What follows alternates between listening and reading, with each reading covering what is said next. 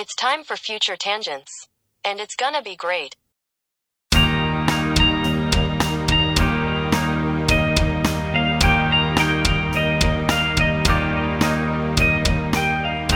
Hej välkomna till det första liveavsnittet av eh, Future Tangents och vi sänder härifrån Northern Skies LAN på Kvarnhagskällan.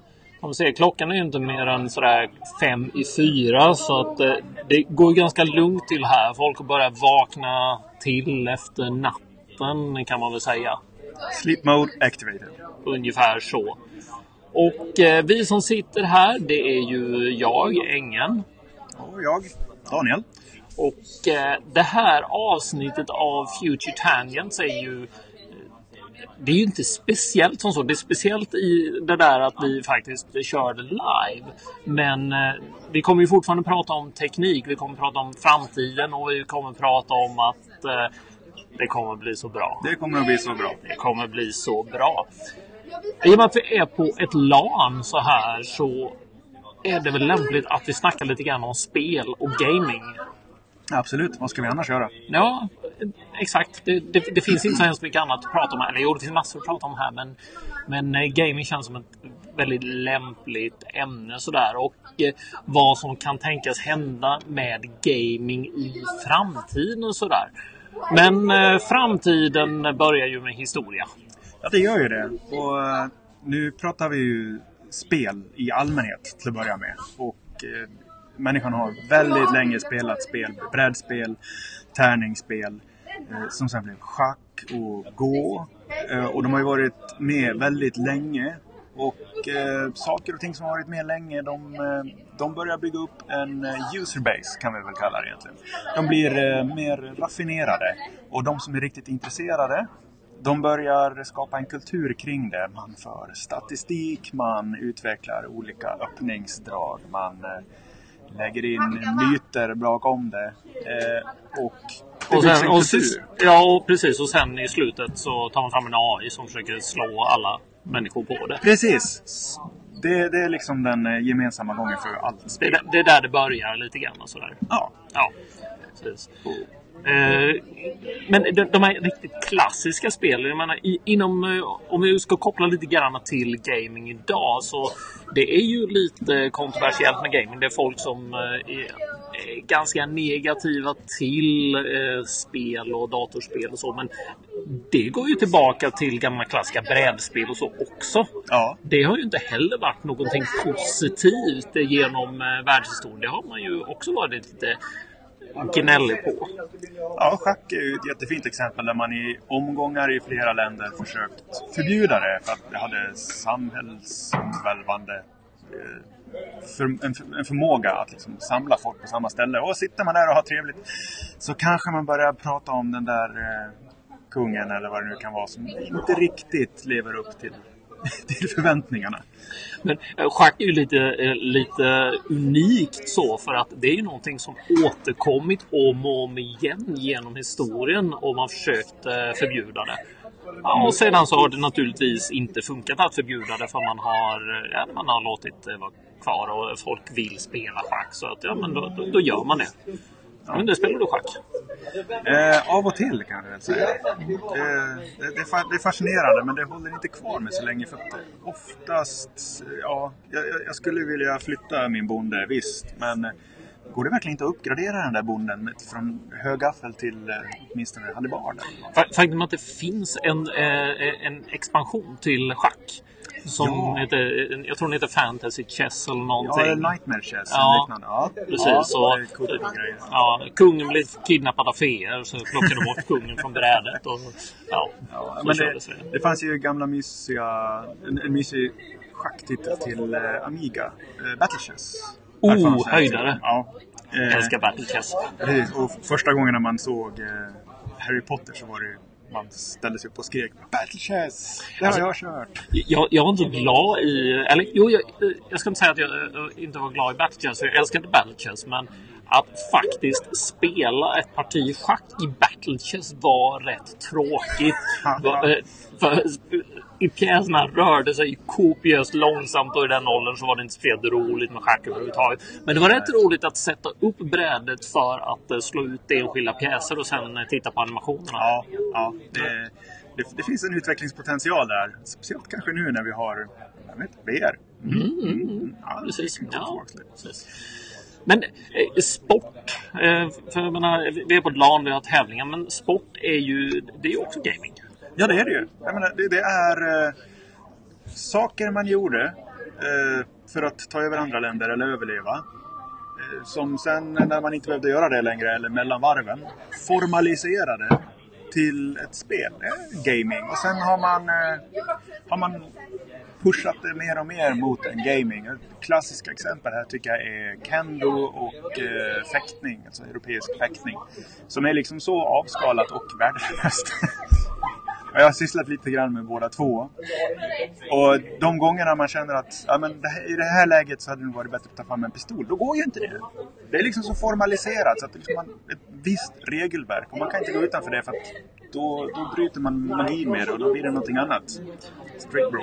Det är samma sak som med dataspel i och för sig. Du, du har ett regelverk som du bygger på. Och eh, du, ja, ibland kan du faktiskt bryta reglerna men eh, oftast eh, är det inbyggda mekanismer.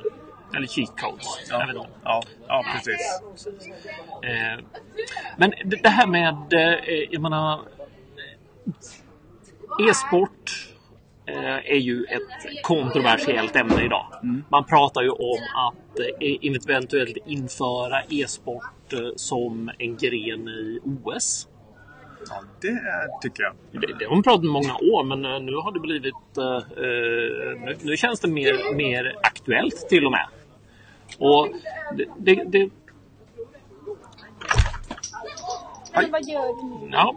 Eh, en sak som händer när man eh, sänder live det är att det springer folk och rör sig men eh, vi är fortfarande live. Ja. Så att, eh, Någonting åkte ut. Ja, precis. Eh, jag tror inte något åkte ut men eh, jag, jag tappade korken till min, eh, till min dricka. det var det som åkte ut. Jag håller fingrarna. Så får vi se. Precis. Eh, vad var vi? Jo, Jo. som sagt e-sport som eh, olympiska spelen. Ja. Och eh, vad tror vi att det här är någonting som eh, faktiskt kommer att hända och är det en bra idé? eh, i ordning förr eller senare och ja, tycker jag. För, eh, det här, nu kommer vi in på en väldigt intressant punkt här och det är ju jämlikhet och demokrati. Alltså, e-sport är ju fruktansvärt demokratiskt egentligen.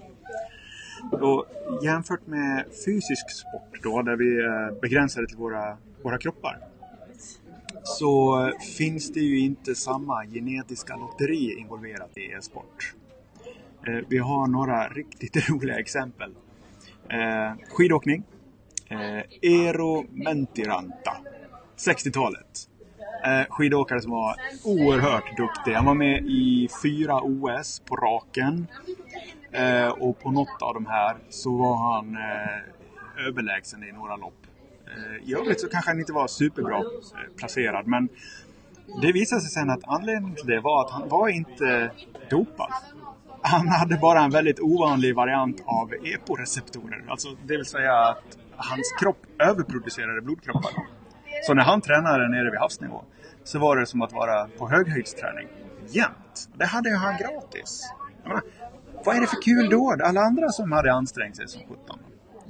Jämför ett Formel 1-lopp då där ett stall får en lott där så att de får ha 15% högre uteffekt än de andra. Va? Det, det känns inte okej alltså. Och, det, och vi snackar om saker här som ligger utanför det man faktiskt kan bygga upp själv med träning. Ja, ja visst. Och Jag menar, även om, om du kan då bloddopa dig och jobba på hög höjd. Du kommer ju inte komma ifra- ifatt den personen om den personen gör det också. För det är ju det, är ju det som är lite grejen här. Genetiskt så kan man ha enorma fördelar. Basketspelare. Mm. Ja, det, det, det, är ett väldigt visuellt exempel. att är eh, Tänka sig en eh, basketspelare som är 1,60 lång eh, har sämre förutsättningar. Ja, jag såg någon siffra att ja, 15 procent eller liknande av amerikaner mellan 20 och 40 som är över 7 fot har spelat basket mer eller mindre ja, på lite olika, lite högre nivå helt enkelt. Det, det är ju ganska talande. Det är ju inte 17 procent av resten av befolkningen som har gjort det. Det är sant. Mm. Men eh, tillbaka till e-sport då. Ja, E-sport eh, har ju kanske inte riktigt de här eh, ska vi kalla det begränsningarna. Inte riktigt ut, lika utlämnade till eh, det här eh, genetiska lotteriet. Om säger så. Nej. Eh, man brukar ju prata om att man behöver en rejäl rigg och att man behöver ditten och datten. Men eh, de gränserna börjar ju suddas ut. De är inte lika tydliga som de var kanske för en eh, tio år sedan. Tio år sedan så var kanske inte e-sport lika stort heller. Men, men det känns ändå som att det, det fanns en ganska markant eller en ganska bred e-sportsbas redan då. Så idén är lite grann att eh, det är lättare att få hjärnan att anpassa sig än att få kroppen att anpassa sig. Ja, det är det. Eh, vi, när, vi, när, vi, när vi spelar så är det ju mycket eh, hand-öga-koordination. Visst, det vet ju alla som eh, gillar på med Twitch-spel som till exempel eh, Counter-Strike eller liknande FPS. Men eh, det finns ju mycket bakom som behöver memoreras. Och eh, om vi jämför med taxichaufförer då, i London. Som går en gedigen utbildning och ska lära sig 320 sträckor utan GPS. De åker runt på eh, mopeder i, i veckor och försöker lära sig eh, hur vägarna går. Eh, där ser man ju att hippocampus, rakt in här någonstans, eh, i mitt huvud och i ditt huvud, eh, växer rejält. Jag tror att den eh, nästan dubblar i storlek under deras utbildningstid. Det, det är ju en ganska, det är en ganska häftig sak att du kan förändra din hjärna beroende på vilken information du stoppar i den.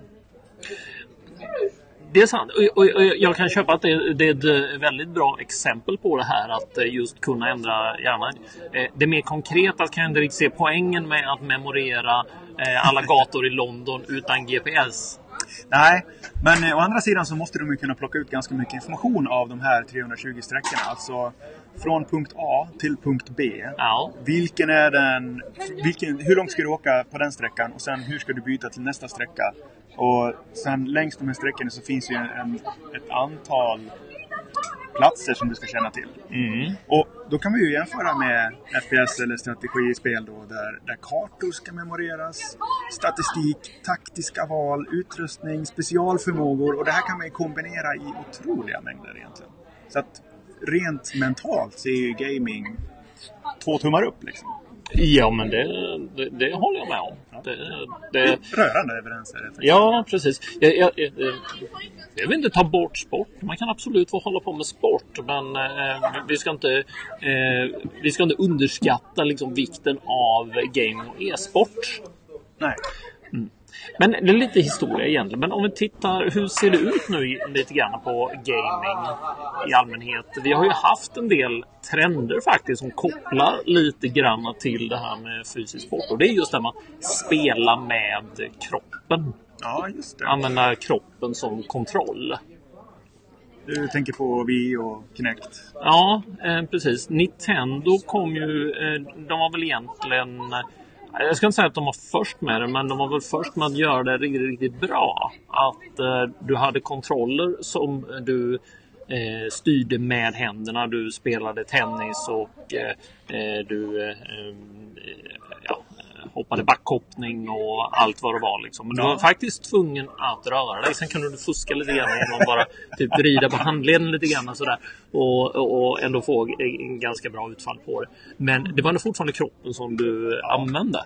Ja, jag minns, minns eh, mycket av den reklamen som kom vid den tiden. Det var ju fantastiskt rolig när de liksom tog ut svängarna ordentligt när de skulle slå med tennisracket. Och sen eh, ser man lite senare hur någon bara rider lite grann på vristen och gör samma sak. Eh, Förlåt, handleden menar jag givetvis. Jag hade sån här, eh, eh, typ man satte på ett tennisrack på handtaget så att du Ah. faktiskt skulle få hela känslan av att, eh, att spela tennis. Ja. Eh, den tvn som jag hade då hade dessutom en repa som går tvärs över så här.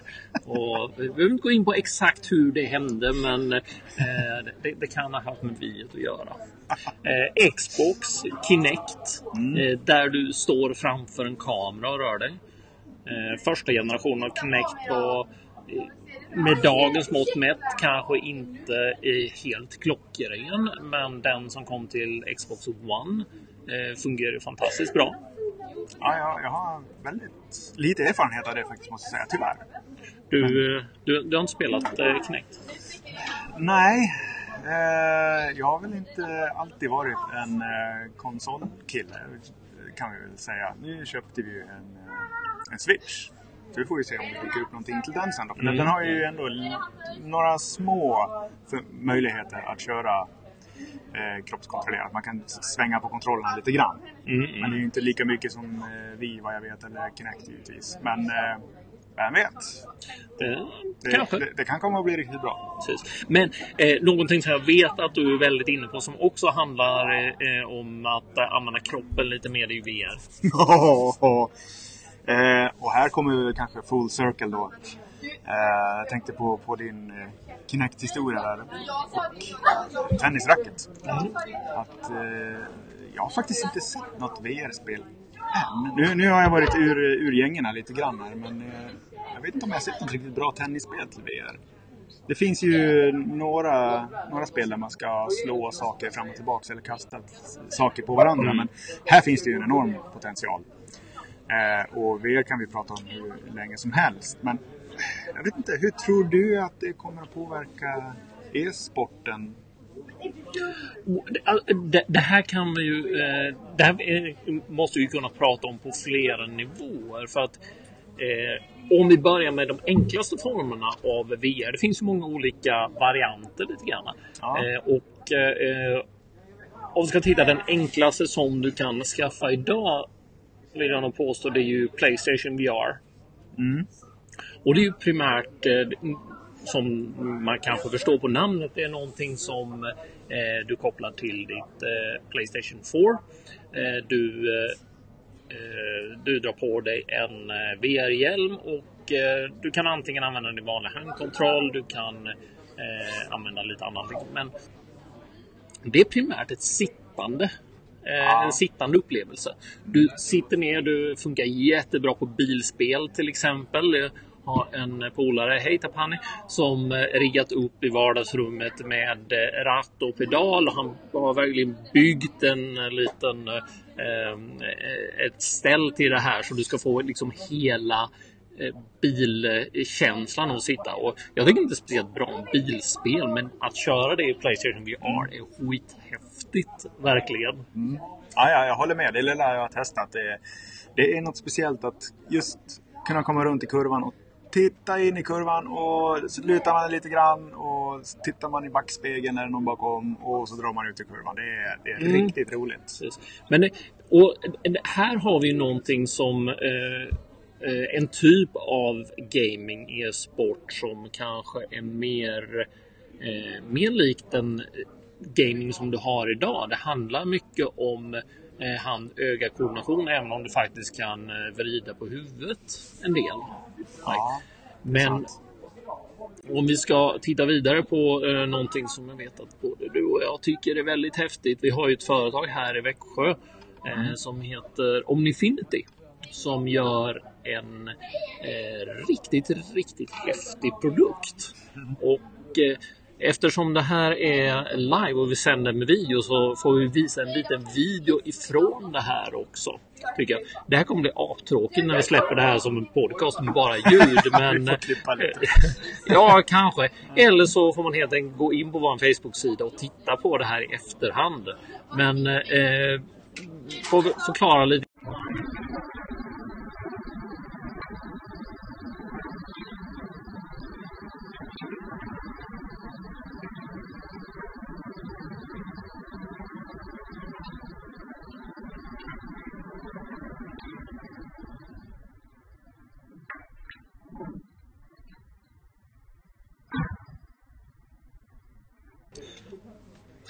Det vi såg där, det var ju eh, Omnifloor. Ja, Eller Omnideck. ett eh, golv som du går på och som då Eh, tekniskt sett så för det dig hela tiden tillbaka till mitten, men det innebär ju att du faktiskt kan röra dig ganska obehindrat i en VR-miljö. Ner på knä. Ner på Krypa. knä. Ja, precis. Och faktiskt gå. Mm. Eh, Ja, den, den, är ju, den är väldigt duktig på att hålla koll på dig. För att det enda den eh, tittar på Omnidäcket, det är ju egentligen vart du har huvudet. mm. Så att eh, det, det, det, du behöver inte klänga på dig en massa utrustning för att den ska hålla koll på resten av din kropp. Nej. Så den fungerar ju, fungerar ju väldigt bra bara där. Liksom. Jag, jag är lite nyfiken på vad som händer sen när man får kanske lite receptorer i fötterna. Och att den kan hålla koll på respektive fot. Mm. Då kanske vi kan komma lite närmare med att springa. För nu, nu får man ha en lite speciell teknik. Men man glömmer Ja. det ganska fort. Man gör det. Man, man kommer väldigt snabbt in i det. Att eh, köra på omdäcken är... Eh, det, det är lite grann som att gå på någonting som är lite halt. Ja, man, man får ha lite skridskokänsla på, på fötterna. Precis. Men man kan komma upp på ganska höga hastigheter ganska fort. Jo, ja. Absolut. Och tänk, om vi tar det här då till nästa steg, för vi vill ju gärna titta på framtiden lite grann. Mm. Att eh, köra Omnifloor med eh, i generation 2 och 3. Jag vet inte exakt vilken generation de är på nu. Men eh, du skulle ju faktiskt då komma upp i eh, säg, spela Counter-Strike där du faktiskt måste springa Ja. genom, eh, genom en stad. Jag tror deras, deras mål är väl att kunna erbjuda en fullt atletisk eh, upplevelse. Alltså springa fullt ut, hoppa, kunna fortsätta springa. Och det, det låter ju riktigt, riktigt roligt. Och det, jag kan inte, en sak som jag stör mig fruktansvärt mycket på i, eh, i shooters, det är ju bunnyhopping. Mm. Det, det är min eh, personliga käpphäst. Jag hatar det. Så att jag välkomnar ju den här mergen av eh, dator och verklighet. Det, det kommer inte bli så mycket bunnyhopping när du har 20 kilo utrustning på dig och ska springa en timme. Och du, och du eh, ja precis. Vi- tar det här ett steg närmare verkligheten. Men vi tar det också ett steg närmare de här genetiska förutsättningarna. Ja, precis. Och vi vill ju inte hamna för nära där egentligen. Så att det, blir nog... Eh, vi, vi, behöver, vi behöver hitta en, en bra balans. För, jag kan i och för sig tänka mig att vi, vi eh, har båda typerna av tävlingar. Som jag sa tidigare, jag tycker inte att vi ska ta bort de vanliga idrotterna till förmån för e-sport. Jag menar, det, det är många som tycker om det. Men Ja. eh, att hitta den här sammanblandningen där vi får in eh, det eh, fysiska, det atletiska tillsammans Ja. med gaming. Det, det är inte alls en dålig idé. Nej, det är extremt intressant. Och precis som när vi har olika typer av, av spel på LAN och till exempel att vissa vill köra VR, vissa vill köra strategi, eh, konsol, dator.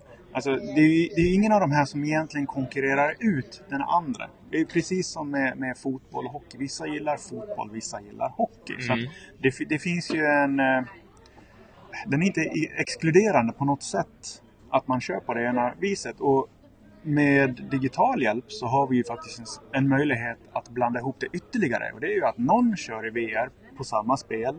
Någon sitter framför en dator i samma spel, interagerar med de spelarna i VR. Jag tror till och med att det finns ett antal titlar som gör det här, åtminstone två. Eh, och sen kan man få in den breda massan till exempel genom att de är involverade via sin mobil. Det är spelet, jag, jag tror att det finns ett spel där någon spelar en jätte och andra spelar eh, figurer som ska kontrollera den här jätten eller eh, ja, någonting sånt. Om inte det gör det så fixar det Mm, mm. någon där ute.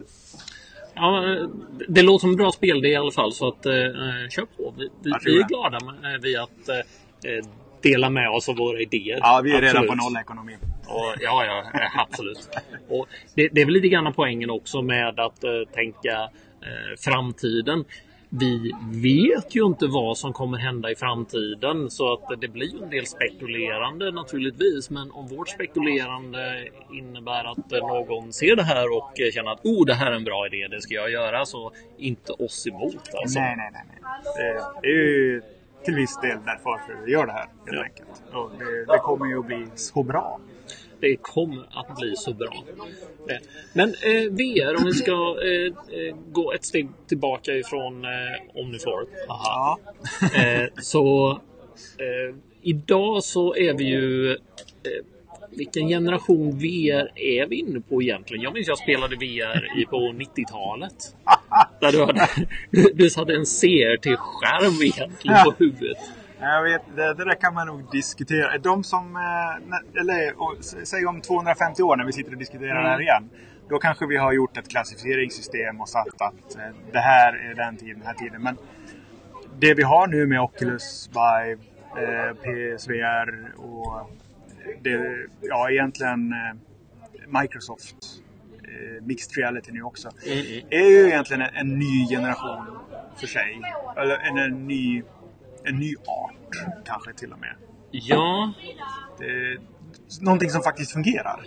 Och, och, det, och det, eh, det, det som gör eh, väldigt stor skillnad också tycker jag, det är ju att det här är någonting eh, som faktiskt är tillgängligt för gemene man. Ja. Det är inte... Det kostar lite grann men det är definitivt inte oöverstigligt att sätta upp eh, en, eh, sätta upp VR hemma. Nej, nej. Och speciellt inte med, med Mixed Reality. Allt du behöver är ju liksom Windows 10 och du behöver inte ha en superskarp dator heller. Och sen, eh, jag tror eh, de ligger på mellan 4 och 5 tusen. Mm. Ett set. Det, det, är, det är så vad du betalar för en riktigt bra skärm. Ja, I princip. precis. Det, det är inte inga pengar men det, Nej, det, precis. Det, det, det är liksom inte hundratusen som det kanske varit tidigare. Nej. Men om vi ska säga att vi har en generation eh, vartannat år ens. Nu kom ju eh, Oculus SDK först och sen eh, den riktiga Oculus. Eh, vi hade eh, Viven som kom och nu kommer Vive Pro. Eh, som eh, jag tror att den är väl upphottad på... Jag ska inte säga fel nu, men jag tror att det är lite bättre skärmar i den. Och sen är, men den riktar sig ju egentligen till till, till företag som vill ha kaféer och liknande. Så att... eh, Du menar typ eh, eh, en upphottning av de gamla internetcaféerna? Ja, precis. De kanske, de kanske vädrar lite morgonluft igen nu. Eh, även om det citatet är väldigt fel. Både i, det, här- i sammanhanget och eh, som original. Men hur som helst. Vi låter oss eh, spola fram en eller två generationer. Vi har fått Mm. trådlös överföring. Det är jätteviktigt. För det, eh, om du ska kunna röra dig, eh, det är bulkigt att ha kablar som du eventuellt eh, eh, snubblar på. Det är ju det. Man utvecklar ju ganska fort ett, ett till sinne för att hålla koll på den här kabeln. Men varje gång man gör det så bryter det ju upplevelsen. Ja, precis. Det, det tar nu lite grann. Ja, det gör det. Så att eh, ja, och eh, lite lägre pris. Men jag, jag tycker att en, kring 5000 för ett kompetent VR-headset, det, är- det är inte så dumt. Jag, jag, tror det kan, jag tror marknaden kommer att lägga sig ungefär där. Och med lite tur så får vi ju eh, foveated rendering, alltså eh, kameror som håller koll på vart vi tittar någonstans. Så att vi kan få vi kan höja upplevelsen ytterligare ett snäpp. Kanske senare i år. Kanske nästa år. För, förhoppningsvis så kan det göra lite grann också för eh, det här illamåendet som eh, en del eh, råkar ut för. Ja, precis. Så, det, det, det, det går alltid att förbättra. Teknik går alltid att förbättra. Det, det kommer vi inte ifrån. Ja. Och eh, även VR. Ja, även VR. Och jag menar, det, det här är ju egentligen ett, ett första steg. Vi har lärt oss så mycket. Eh, ja, inte jag och du då. Jo, vi har lärt oss massor. Men industrin har lärt sig otroliga mängder på de här åren som eh, Oculus och Vive har eh, kört på. Mm. Eh, Så att... Men visst, förr eller senare så måste vi ju till den här Matrix-lösningen. Där vi jackar in oss direkt. Jajamensan, jag, jag, ser, jag ser ingen annan utväg. Om man ska ha den, den maximala ut, upplevelsen. Och det, och det är ju någonting som... eh, En, det, är ju inte bara gaming i det här men eh, visst känns Matrix lite grann som ett eh, kopiöst häftigt spel om du skulle kunna göra det. Abs- absolut. Eh, och man kan ju tänka om vi ska hoppa till, till en väldigt avlägsen framtid. Mhm, mm. så, så kan man ju tänka sig att det är det som är gaming där. Att eh, klara av ett liv. Alltså, bli född, överleva, växa upp, göra någonting bra av sitt liv. Och sen får man poäng efter det. Och när man har fått poängen så får man tillbaks sitt vanliga medvetande och kan eh, sammanfoga de här på något sätt och säga att oj, ja det var en bra spelupplevelse. Ah, jag träffade mycket roliga människor och lärde mig mycket nytt. Ja, precis. Ja. Men eh, du, hur, hur många liv får du? Ett. Ett. Ett i taget i alla fall. Det, det, det, det är ett permadeath game verkligen. Ja, ja visst, visst. Det, det finns inget power-up eller någonting. Jo, det, det, är under det där ge- genetiska lotteriet då. Igen. Ja, d- där finns möjligheter. Ja, precis. Men om vi ska titta på det här med eh, e-sport och VR. Jag menar, eh, att tävla i VR, då, då måste du nästan ha någon form av multiplayer. Absolut. Precis. Eh, har vi några vettiga lösningar för det idag? Jag vet inte, re- rent, eh, rent infrastrukturmässigt så kanske vi behöver någon generation av eh, datorbygge till. De, de flesta hardcore gamers har ju liksom datorer som klarar VR utan problem. Och sen har vi enthusiasts kanske vi ska kalla dem.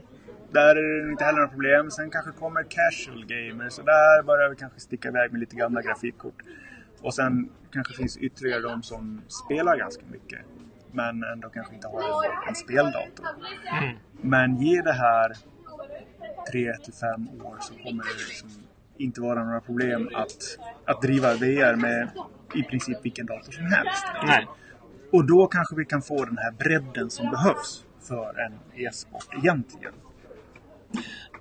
Nå- Något annat som jag ser det som ett eh, potentiellt hinder det är ju att eh, om du idag skaffar dig som ung en eh, bostad, du skaffar dig en lägenhet. De tenderar att bli mindre och mindre och VR kräver ju en del utrymme.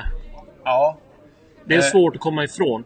Förutsatt att du ska ha eh, ett VR där du rör på dig, där du eh, eh, vissa med händerna. Ja, precis. Och inte bara det här stillasittande VR. Då, då, då behöver du en del utrymme. Men det är klart, eh, det, det blir väl lite grann som det här med att köpa sig en ny hemmabio. Man möblerar efter utrustningen lite grann. Ja, precis. Det, möbler som försvinner in i väggarna kanske kan få en liten renässans de med. Ja, uppblåsbara möbler kanske. Ja, och det, jag kan tänka mig att eh, riktigt eh, bra e-sportspel behöver ta tag i det ganska, ganska tidigt i sin utveckling och liksom säga att hela det här spelet funkar på 2x2 meter, Mm. 3x3 eller 4x4. va? Så att man inte har någon fördel av att kunna köra room scale jämfört med eh, enkel, enkel citationstecken stand-up.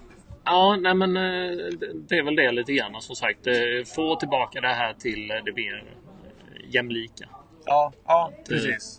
Det, det, det ska inte vara utrustning som på, påverkar för mycket vad, om du faktiskt är riktigt, riktigt bra på ett visst spel. Nej, vi behöver formalisera de här bitarna ganska, ganska tidigt. Ja, Absolut. ja. Och sen då? Ja, sen då? Vad har vi mer för grejer som Ja, kan påverka precis. gamingen i framtiden? AI. Ja, det pratade ja. vi om i, vårat, eh, i vår senaste podd. Det har vi gjort. Det har vi Mm. gjort. Och eh, vi var inne på det här med eh, hur fiender rör sig. Mhm. Eh, och eh, ju mer avancerad AI som du har i ett eh, spel, desto bättre blir ju ofta spelet. Ja. Förutsatt att AI inte fuskar. Ja, och fuskande AI är ju sånt som man blir riktigt, riktigt sned på i spel. Mm. Det, det, man vet att den andra sidan inte möjligtvis kunnat minat så mycket guld på den tiden som har gått, utan de har Nej. bara fått. Och det, det, det är bara fail helt enkelt. Och du har ju eh, eh, också det här med eh, fightingspel till, exam- eh, till exempel.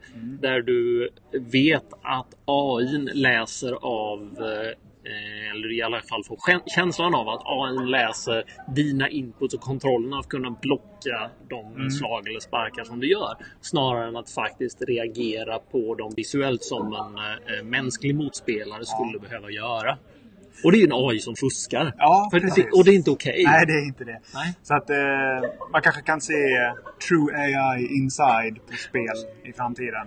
Eh, att det, det är en AI, den är bra och den kommer inte att fuska. Den har inte informationsövertag utan den, eh, den, är, den beter sig som en faktisk spelare. Mm. Och eh, samma sak där med eh, NPCer, Non-playable characters. Som är, någonting slog mig. Och en, en NPC är ju, för er som inte vet, en, de här personerna, figurerna som finns i spelet som du eventuellt kan interagera med. Men, ja, men bybor som är i bakgrunden och lite sånt där. Ja, precis. Men ju mer mänskliga och riktiga de känns, desto bättre kommer ju eh, och mer levande kommer ju spelet att eh, kännas. Det kommer man inte ifrån. Nej. Så, mm. Det, vi, vi kommer väl att närma oss det nu. Jag såg att eh, bara dagarna efter tror jag vi hade pratat om AI. Eh, så, så kom nyheterna om att man börjar göra eh, neuromorfiska chip att stoppa i eh, mobiltelefonerna. Och det är ju framförallt till för att kunna eh, göra röststyrningen lokalt och inte använda nätet till det. Så eh, när den börjar tappa i pris så att säga, när den börjar bli billigare och tillgängligare. Då kommer vi att integrera det i våra datorer. Alltså, Definitivt. Jag, jag, jag, jag blir så glad när jag hör det. Jag sitter och skrattar nästan. Det är så roligt. Ja, det är så häftigt. Det är Det är så så grymt häftigt. Det kommer att bli så bra. Ja. Ja, precis. Eh, grafiken i spelen, det, det är en sån här grej som man eh, eh, kan titta väldigt mycket på. Okej, vad har hänt liksom sedan 80-talet när du hade eh, liksom 8-bitars Ja. eh, pixliga system som man tycker Åh, det är så nostal- nostalgiskt och eh, man eh, släpar fram sitt gamla Nintendo för att sätta och spela och man eh, tröttnar på fem minuter för att det är faktiskt inte speciellt roligt att titta på de här pixlarna. Man är så van vid att det ser bättre och bättre Ja, man har ut. blivit lite bortskämd faktiskt. Ja. Men, och då är vi inne på det här också som eh, pratar om datortekniken att få in grafen istället för kisel. Ja. För att få upp eh, eh, hastigheterna. Precis. Helt enkelt. Och eh, grafikkortstillverkarna är ju ganska duktiga på att kräma ut mer och mer. Men eh, oavsett arkitektur så börjar vi ju slå i den fysiska begränsningen för kisel. Mm. Men grafen, eh, ja. För bara två år sedan så fanns det en hel del artiklar om att grafen aldrig kommer att kunna användas till, eh, till att göra datorer. Man kan inte kunna göra logiska grindar med det. Eh, Förra året så kom ju rapporter om att jo då, det går alldeles utmärkt. så man ska aldrig säga aldrig. Nej, men man, man ska framförallt inte säga det här, det här går inte. Nej. Det här kommer aldrig gå. Det finns en världsmarknad för fem stycken. Sådana uttalanden ska man vara Ja, nej, man, man ska vara... Man ska vara eh, jag var på väg att säga att man ska vara försiktig med att eh, sia om framtiden, men det är precis det vi sitter och gör här. Men eh, Alltså, man ska vara försiktig med att säga, säga negativt om ja, framtiden. precis. Det, är- det är en viktig skillnad. Man, man ska se positivt på framtiden. Man ska se allt häftigt som kan komma. Precis. Ja. Eh, ja. Eh, vi, eh, I och med att vi kör live så vi får rulla vidare lite grann i programmet Ja. också. Vi ska försöka hålla nere det här till eh, under en timme i alla fall. Och vi har en tendens till att ut oss. Eh, jag hade eh, nästan en och en halv timmes material att redigera från förra podden och jag tänker inte redigera den här alls. Utan eh, den kommer vi bara klippa ihop och eh, lägga ut. Så det. Eh, men om vi tänker lite grann framtiden då. Ja, vad händer i framtiden? Ja, vad händer i framtiden? Sådär. Du var inne på det här med nollekonomi. Vad menar du med nollekonomi? Ja, jag vet inte riktigt vart jag har plockat upp det uttrycket. Men eh, det, det heter lite andra saker också. Vi kommer ju ta upp det i podden sen. Det kommer vi. Eh, Ganska grundligt. Men i princip så är det ju den punkten där vi har eh, automatiserat vår tillverkning av det mesta. Att själva produktionen tillverkningen inte kostar så mycket. Utan det är informationen om hur man tillverkar saker där kostnaden ligger. Och det mesta av informationen till basala saker kommer ju att vara gratis. Man kan ju hitta väldigt mycket att 3D-printa nu för tiden. Så att en nollekonomi Mm. är ju kanske en, en förutsättning för att det ska funka är ju egentligen en medborgarlön. Ja, Eh, det, det, det, är en, det är ett nytt sätt att tänka på ekonomi egentligen. Det är inte nytt för att det är många som tänker på det. Men vi agerar inte på en världsmarknad där det här än så länge är eh, jag ska inte säga att det inte är gångbart, för jag tror fortfarande att det är gångbart. Men eh, det är svårt att få in det i huvudet att eh, man eh, vänder på... För vi har alltid gjort så här. Och Ja. har man alltid gjort så här så är det väldigt lätt att fortsätta göra på det viset. Och, men alla som tittar på Star Trek, då, då vet vi att eh, det här är möjligt. För Ja, Star, Star Trek är ju sant. ja visst, och de har rymdskepp. Ja, ja. det- Rymdskepp. Ja. Överljushastighet. Ja. Borger. Exakt. All, allting blir jättebra bara vi fixar det här. Allting blir skitbra. Ja. Och då, då, då ser vi ju andra möjligheter till spel. Jag menar, då, jag tror visst, man kommer att styra mer över sin tid. Men det kommer inte bara vara, bara vara fritid. Men den fritid man faktiskt har kanske man väljer att lägga då på sport, eh, gaming, e-sport, eh, alla dess varianter. Men även att samarbeta om att skapa. Och då kanske man ser sådana här eh, lite mer specialiserade spel om man får säga så. Till exempel att konstruera en så bra raket som möjligt. Mot ett, ett lag mot ett annat. Men man gör det med fysiska lagar så att när man är klar så kan man faktiskt ta den här informationen och stoppa i en 3D-printer och, och testa den. Det, det är lite, eh, lite grann, grann ett eh, hackathon på världsnivå. Precis, precis. Och det, det finns så mycket häftiga verktyg där ute. Det finns så mycket människor som är intresserade och vill och har bra utbildning och vill utbilda alla och, och andra och vill, vill komma vidare. Så jag, jag ser inte det som något slags problem att vi skulle stagnera. Tvärtom. Släpper Nej, nej, vi liksom verktygen fria. Sky is not the limit. Nej, nej, det, Sky, det, det, det är ju bara att fara rakt igenom. Ja, ja. Eh, SpaceX gjorde det alldeles nyss. Precis. Rakt genom himlen, upp till rymden. Ja. Eh, Och la ut ett par satelliter. Jag vet inte riktigt om vi ska prata om det här. Vi kan ta Nej, till vi, vi, vi, tar det en annan. Vi, vi har lagt ner det här med lastbilsljudet, men eh, det, det kommer i en annan podd helt. Men eh, det, det är ju väldigt, eh, det är väldigt intressant att titta på det här, liksom att eh, i framtiden. Eh, där med game, för det är ju gamification vi pratar om egentligen. Att man gör en utmaning av eh, en uppgift. Man eh, gör, mm. att man gör det till en mätbar eh, utmaning måste jag säga också. För att eh, du ska ju få någon form av poäng och visa att du, eh, att du gör framsteg. Och eh, jag har skrivit en, det här med sociala spel. Jag eh, kom lite, eh, fastnade lite grann på det där att, eh, liksom, att eh, dramatisera eh, saker Mm. eh, i, eh, i eh, first person. Ja. Att, eh, I VR till exempel. Ja, ja det, det vore ju ganska häftigt om man i, istället för att eh, spela fem timmar och försöka skjuta varandra. Så har du fem timmar på dig att eh, bygga upp en, eh, ett nätverk i ett, ett hov eller någonting och börja klura ut vilka som är eh, kopplade till vil, vilka andra. Och är det någon mer här som spelar förutom jag? Eller Eh, Spelar jag själv? Eller är det AI? Eller är det andra spelare? Det, det finns hur mycket som helst roligt man skulle kunna göra med det. Och Ja, ja. mordgåtor och liknande sådär. Jag menar, sådana här grejer finns ju i... ehm, det finns ju som brädspel.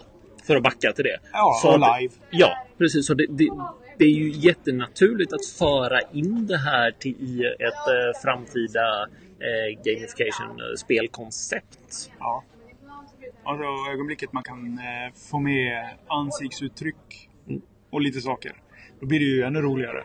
Ja, eller simulera, spela hur, hur skulle vi eh, samarbeta, eh, säg eh, 2000 personer om vi hamnade på en främmande planet. Ja, precis. om, vi, om vi tittar på potentialen att eh, vi fysiskt kan ta oss ut i rymden, vilket vi också kommer att prata om eh, sen, huruvida vi kan eller inte. Men, men att eh, veta från början eh, mer om hur man faktiskt skulle eh, kunna samarbeta och uppföra sig i en eh, eh alien-miljö. Ja. Eh, och under olika, alltså, testa lagar. Det här, är ju kanske sånt som man kan använda AI till också i en viss utsträckning. Men, eh, och tänk, om vi kommer tillbaka till det där med headseten och foveated rendering och läsa ansiktsuttryck. Så hade det ju kunnat vara en, en liten, ett roligt litet spel där man ska försöka ljuga för varandra. Och datorn kan läsa tillräckligt mycket av dina biologiska data för att sätta att ja, nej, det här är troligtvis en lögn. Men eh, de gick på den. Så att eh, du får poäng. Ja, precis. Det kallas Återigen. politik. och, det, ja, och, det, och det finns brädspel kring det också. Det finns brädspel kring allting. Vi ska bara föra in det in i, i framtiden. Men, eh, eh, Minecraft. det Minecraft i en framtida version.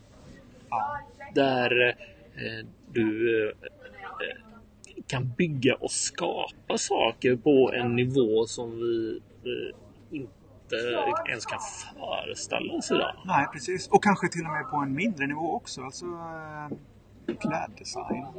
Liknande. Det, det gör man ju faktiskt idag.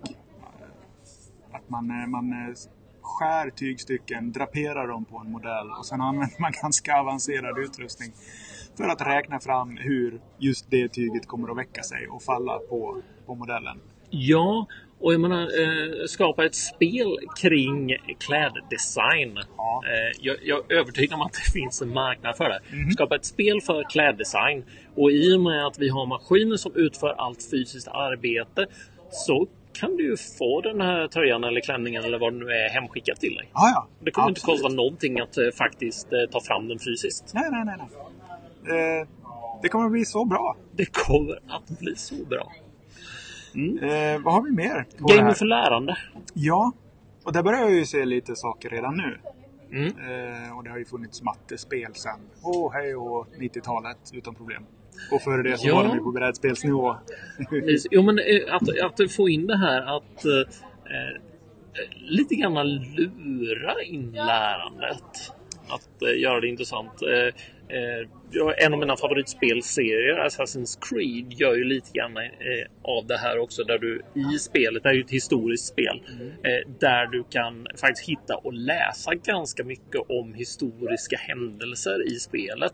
Och i och med att du, du får ju, ska inte säga poäng, men du får ju achievements av att samla ihop alla de här eh, eh, informationsnuggetarna som du kan hitta runt om i spelet. Så är du motiverad till att faktiskt göra det också. Precis. Och, det, och sen blir det ju i ett sammanhang också att se hur, hur långt har andra kommit och kan jag komma någonstans eh, där andra inte har varit till exempel. Jag vet, eh, på 90-talet så satt vi ju med det här Ja, jag undrar om det hette Cheops-pyramiden. Men det var ett mattespel och då kom man ju till rum. Och sen var man tvungen att lösa matematiska problem. Annars kom du inte vidare. Och då kom ju den här metagrejen in med att hur, hur många rum har du klarat? Ja, jag klarar så många. Jaha, ja, vänta då. Då måste jag gå tillbaka och göra dem också. Åtminstone. Det, det gjorde ju att eh, man eh, inte bara... Man, man kunde ta den diskussionen med de som undrade Jaha, hur snabbt sprang du 60 meter? Ja, ja precis. Ja, men det, Man, man det- hade, nå- man hade sak, någonting, Ja, eh, en achievement att sätta Ja. emot. precis. Eh, Och det, där är du ju inne på en jätteintressant grej. Alltså att gaming skulle motsvara då... Eh, för jag menar, det, det är ju det är ju svårt att säga ja, nej, men jag är skitbra på schack. Ja, ja, har du vunnit någon tävling då? Nej, men jag brukar vinna de flesta matcher. Men om man, det, det, som i sport när man kommer dragandes med en pokal. Men gaming kan ju även ge det här. Ja, vad har du för ranking? Ja, Det, och det kan man ju tycka vad man vill om både bu och bä, men eh, många gillar ju verkligen att jaga ranking. vad har du för ranking i kemi? Ja, precis. Men eh, ja, var, varför inte? Så det, jag antar att betygen är väl någon form av ranking där, men det är inte riktigt samma sak ändå. Nej, Nej, det, den är ju liksom personligt satt. Och det, gamla betyg var ju inte personligt satta heller. Men det fanns ju för få nivåer. det, det, fanns ingen, det fanns ingen steg på skolan. Nej, liksom. precis. Och eh, eh, det är ju eh, att få en ranking är ju inte riktigt samma sak som ett eh, betyg heller för att eh, Mm, där eh, ett, betyg får du Ja, du, du får ju veta ungefär var du ligger liksom. Men det är inte just den här som du säger stegen. Att eh, oh, jag tar mig till den nivån och sen tar jag mig till den nivån och sen tar jag mig till den nivån. Exakt. Eh, det är inte riktigt samma typ av bedömning Nej, för om man hade en, eh, en rankingsystem i skolan. Då skulle du ju vara tvungen att fortsätta utvecklas för att behålla din, din ranking. Du, du, kan, du, kan, du kan inte lära dig en viss mängd och vara nöjd med det. Utan du måste fortsätta lära dig en viss takt för att hålla dig före alla andra. Ja, faktiskt. Ja, men, eh, eh, göra skolan till ett spel. Ja, precis. Vi, eh, vi får ta upp det här med... Vi har väl en skolminister antar jag. Ja, precis. Och man, eh, man kanske kan eh, börja eh, lokalt också. på hi- Hitta någon rektor som är villig att eh, föra in det här. Jag vet inte, det kanske finns.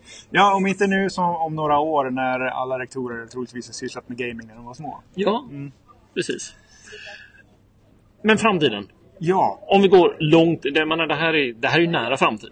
ja Känns precis. det som. Ja, visst. Och vi, vi, kan ju, vi kan ju passera cloud computing, att man liksom köper det man behöver för och Mm. eh, att många fler kommer att vara aktiva spelmakare, liksom skapa material tillsammans med sina AI till exempel. Att AI läser av vad du, vad du tittar på för filmer och justerar narrativen i spelen utefter det. Mm.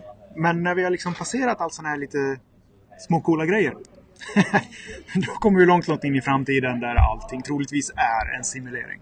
Ja, och det, det finns eh, det finns argument för att eh, allting vi upplever idag faktiskt är en simulering. Vi är i The Matrix och eh, jag tror någon som har räknat fram sannolikheten för att vi existerar i en, i en, eh, ja, i en simulering är eh, större än att vi inte skulle göra Ja, det. precis. Den är principiellt ett. Ja, Det, det är ju bra ja precis.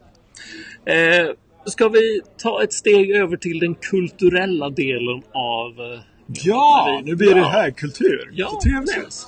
Och vi brukar prata om film. Ja, absolut. eh, Men film vi skulle vilja prata om inom eh, när det handlar om just gaming har ju inte kommit än. Det är en Nej. månad kvar ungefär. Ja. Ready Player One. Ready Player One. En, men vi kan ju prata om den ändå. Ja, för vi, den finns ju som bok. Ja, vi har ju plöjt boken. Jag är uppe i tre gånger.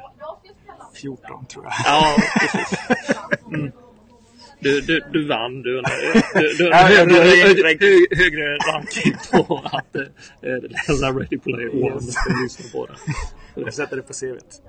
Eh, Ready Player One är ju en eh, bok om just VR. En framtid där det mesta du gör faktiskt är i en eh, VR-miljö. Eh, alla skolor egentligen har flyttat in och det här, det här är en ungdomsbok så att den är ju fokuserad på eh, skolåldern ganska mycket. Eh, Det så är därför jag tycker om så mycket. Jag är ja, också ungdomlig. ja, det, det, det, är väl lite grann så man ska vara. Precis. Eh, Ja, vi pratar om skolan. Ja, skolor. Just det. Har flyttat in i den här eh, VR-miljön, The Oasis. Eh, vilket innebär att eh, du är mer eller mindre eh, en, någon slags avancerad version av hemskolad egentligen. Du behöver inte ta dig iväg till en fysisk eh, plats. Utan du drar på dig ditt eh, VR-headset och eh, kopplar upp det helt enkelt. Och kommer, ja, kommer till skolan så. Och för att eh, få med eh, just det här eh, den ekonomiska jämlikheten här. Skolan tillhandahåller även de här, den här VR-utrustningen så att du behöver inte lägga ut det själv helt enkelt. Oasis eh, skapades ju av en eh, man som jag har glömt. Anrak heter han ju. Det är hans avatar. Eh, men ett eh, geni naturligtvis. Och eh, han har gått bort Han har testamenterat eh, hela företaget som styr Oasis och därmed makten över allting i den här eh, VR-simuleringen som ju Märk väl, hela världen är uppkopplad till. Eh, till den som hittar fem stycken Easter eggs. Eller det tre Easter eggs? Tre Easter eggs. Men Egentligen så finns det bara ett Det är ett ägg, men det- det- finns ett det är antal tre- ledtrådar. ledtrådar. Ja, precis. precis. Som eh, leder... Mm. Och eh, ett Easter egg också för, för er som inte känner till det. Det är en liten dold funktion eller något eh, som du kan hitta. eh, Som oftast utvecklaren lägger in bara för att det här är kul. Ja, och det, det, boken revolverar ganska mycket kring det här och det, det första Easter egget då som var ett spel som heter Adventure. Där... Eh, eh, jag tror, var det Atari? Ja, tar det. Ja, jag tror det. Så, för att de tog fram det spelet, men de, de ville inte namnge någon av programmerarna. Så en av programmerarna gömde sitt namn och man eh, hämtade nyckeln och gick in i en, i en liten dörr någonstans. Så stod det namnet där och det var det först, för, första påskägget så att säga. Mm. Mm. Och det... Eh, ja. Vad var vi? Oasis. Easter egg, just det. Ja, eh, och eh, Percival som är huvudkaraktären då. Som eh, är en av eh, alla såna här Gunthers. Eh, vilket är en sammandragning av Egghunters. Egentligen. Eh, som läser in sig. För grejen är lite grann att, eh, och det här tycker jag är så jättekul. Eh, Anorak han, han var ju helt besatt av 80-talet. Så alla de här ledtrådarna eh, bygger på att man har en gedigen kunskap om 80-talskultur. Film, musik och naturligtvis spel. Och det är väl kanske därför den boken är så kul för oss. För att man läser i boken och faktiskt har en personlig koppling till många av de spel som dyker upp. Eh, sen blir det ju väldigt många andra saker som man inte har en susning om. Men som man ändå går tillbaka och kollat. Liksom, Jaha, var det den? Så att det, det blir en, det, jag tror det finns hemsidor som handlar om allting som är med i den här boken. Så det blir en väldigt meta-upplevelse av det hela. Vi, vi pratar om någonting som vi pratar om som vi pratar om. Så att, ja, den är fantastisk uppbyggd på det viset. Och det, det som är intressant, eh, vi kanske ska, med tanke på att filmen faktiskt inte kommit så ska vi kanske inte spoila allt för mycket. Även om man är, eh, har någon form av grepp om eh, eh, populärkulturellt narrativ. Kanske kan räkna ut ungefär vad som kommer hända. Men, men eh, vi behöver inte gå på de detaljerna. Men det som jag tycker är intressant det är just det här att eh, vi har ju tagit det här med gamification in i eh, verkligheten. I och med att du lever i den här eh, virtuella världen. Det är, det är ditt allt. Det är eh, beroende på utrustning som du har så har du faktiskt möjlighet att faktiskt röra dig fysiskt i den också. Så att det, det är inte nödvändigtvis en stillasittande upplevelse heller. Nej, och i, i, den, eh, i Oasis så finns det ju så många olika världar med olika regler. Jag tror jag de beskriver vid något tillfälle att om man sitter i sin eh, X-Wing, Copyright, Corporate. och flyger in i en Dungeon and Dragons zon, copyright, så, eh, så stannar skeppet helt enkelt. Så får man fixa någon magiker som kan eh, boxera ut dig ur den zonen. Det är ett ganska roligt koncept för att skapa olika upplevelser. Man Ja. ändrar reglerna helt enkelt på ett spel du befinner dig i. Och det, det är ju också ett eh, spel för att eh, dra paralleller till det vi pratade lite med Minecraft och bygga saker. Du har ju faktiskt möjlighet att själv skapa saker i Oasis. Eh, du, du har möjlighet att bygga helt egna planeter om jag inte har fel. Ja, det, det, det, är dyrt, men det går. Jag tror eh, Ja. ett, ett antal karaktärer där har ju en egen asteroid till exempel. Som bor på. Och du kan ju även... Ja, de flesta jobbar ju i Oasis och en av huvudkaraktärerna är ju faktiskt e-sportare i Oasis och livnär sig på det. Så, så att, ja, det, det är en intressant bild. Men för, för att eh, dra en liten parallell här. Jag, jag har kommit halvvägs i en bok som heter Snow Crash. Mhm. Den, den har väldigt många gemensamma drag. Eh, det är bara det att allting är som en, eh, en 80-talsversion av detta. Li, lite som eh, Judge Dredd på eh, början av 90-talet. Alltså, det, det är fortfarande telefoner, alla gör allting själv. Det är fortfarande tjock-TV. Det är bara att allting är så mycket häftigare och ballare. Och, eh, ja, man, man, man kopplar inte upp sig på nätet utan att liksom man, har, man har fiberkoppling till sin eh, eh, cable network, liksom, som i TV. Liksom. Det, Retrofuturistiskt. Ja, det är det ju. Men jag tror den är ju skriven på den tiden då det faktiskt var turistiskt. Men väldigt intressant. Men den har väldigt många drag. Att man eh, lever i en parallell värld också.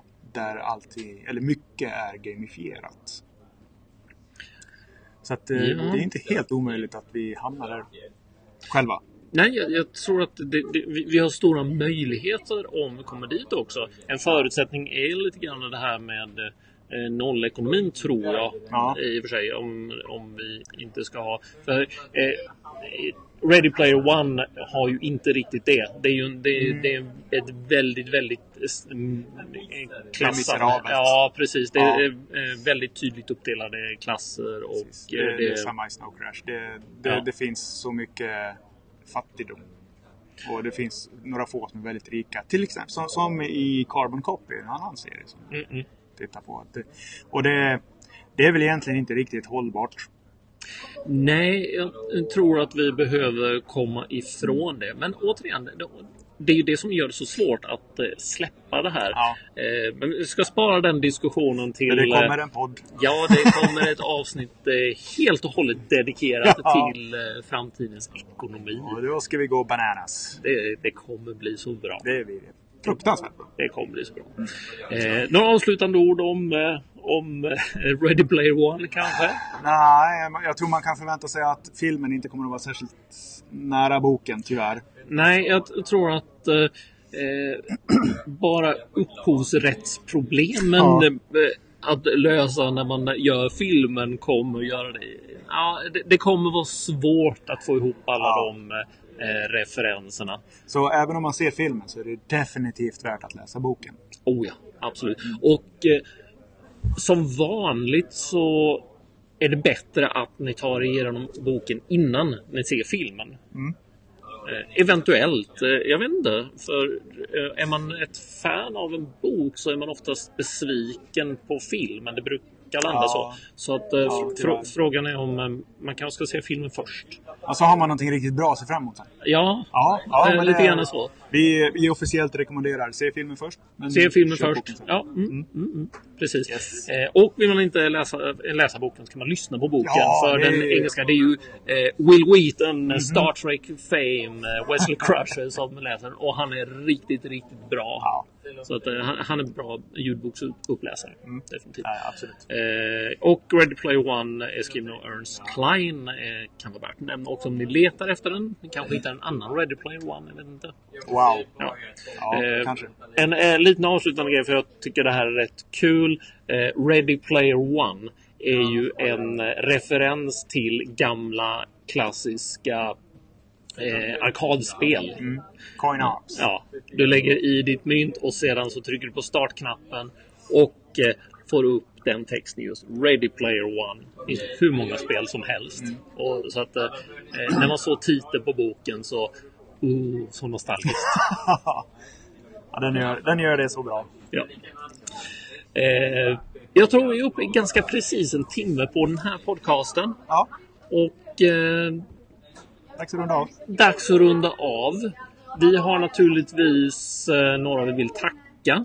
Eh, Duke Deck, Vår Kul. eh, AI. vår AI. Som, Ja, inte vår. Nej, Men- inte vår AI. Men Eh, Den, den har varit väldigt behjälplig. I Ja. alla fall. Den har gjort våran, eh, våran musik. Mm. Som ni som ser det här live, ni, ni eh, fick inte höra den. Så att, eh, ni får titta igen. ja, precis. När jag klippt in det. Återkom gärna. Ja, precis. Eh, Google Assistant Mm. har också ett litet finger med i spelet kan man säga så. Ja, ja. Vi vill tacka Google Assistant i alla fall. Eh, och sedan så vill vi tacka Standout som har eh, lånat ut lite utrustning till oss, den här mikrofonen. Och tack eh, till eh, Peter Hammarbäck som eh, lånat ut kameran och lite annat till oss så att vi faktiskt skulle kunna genomföra det här på ett praktiskt sätt. Tack! Och med det så tack så hemskt mycket för mig. Och för mig. Mm. Trevligt att ni kunde komma. Ja, och framtiden den Kommer att bli så bra.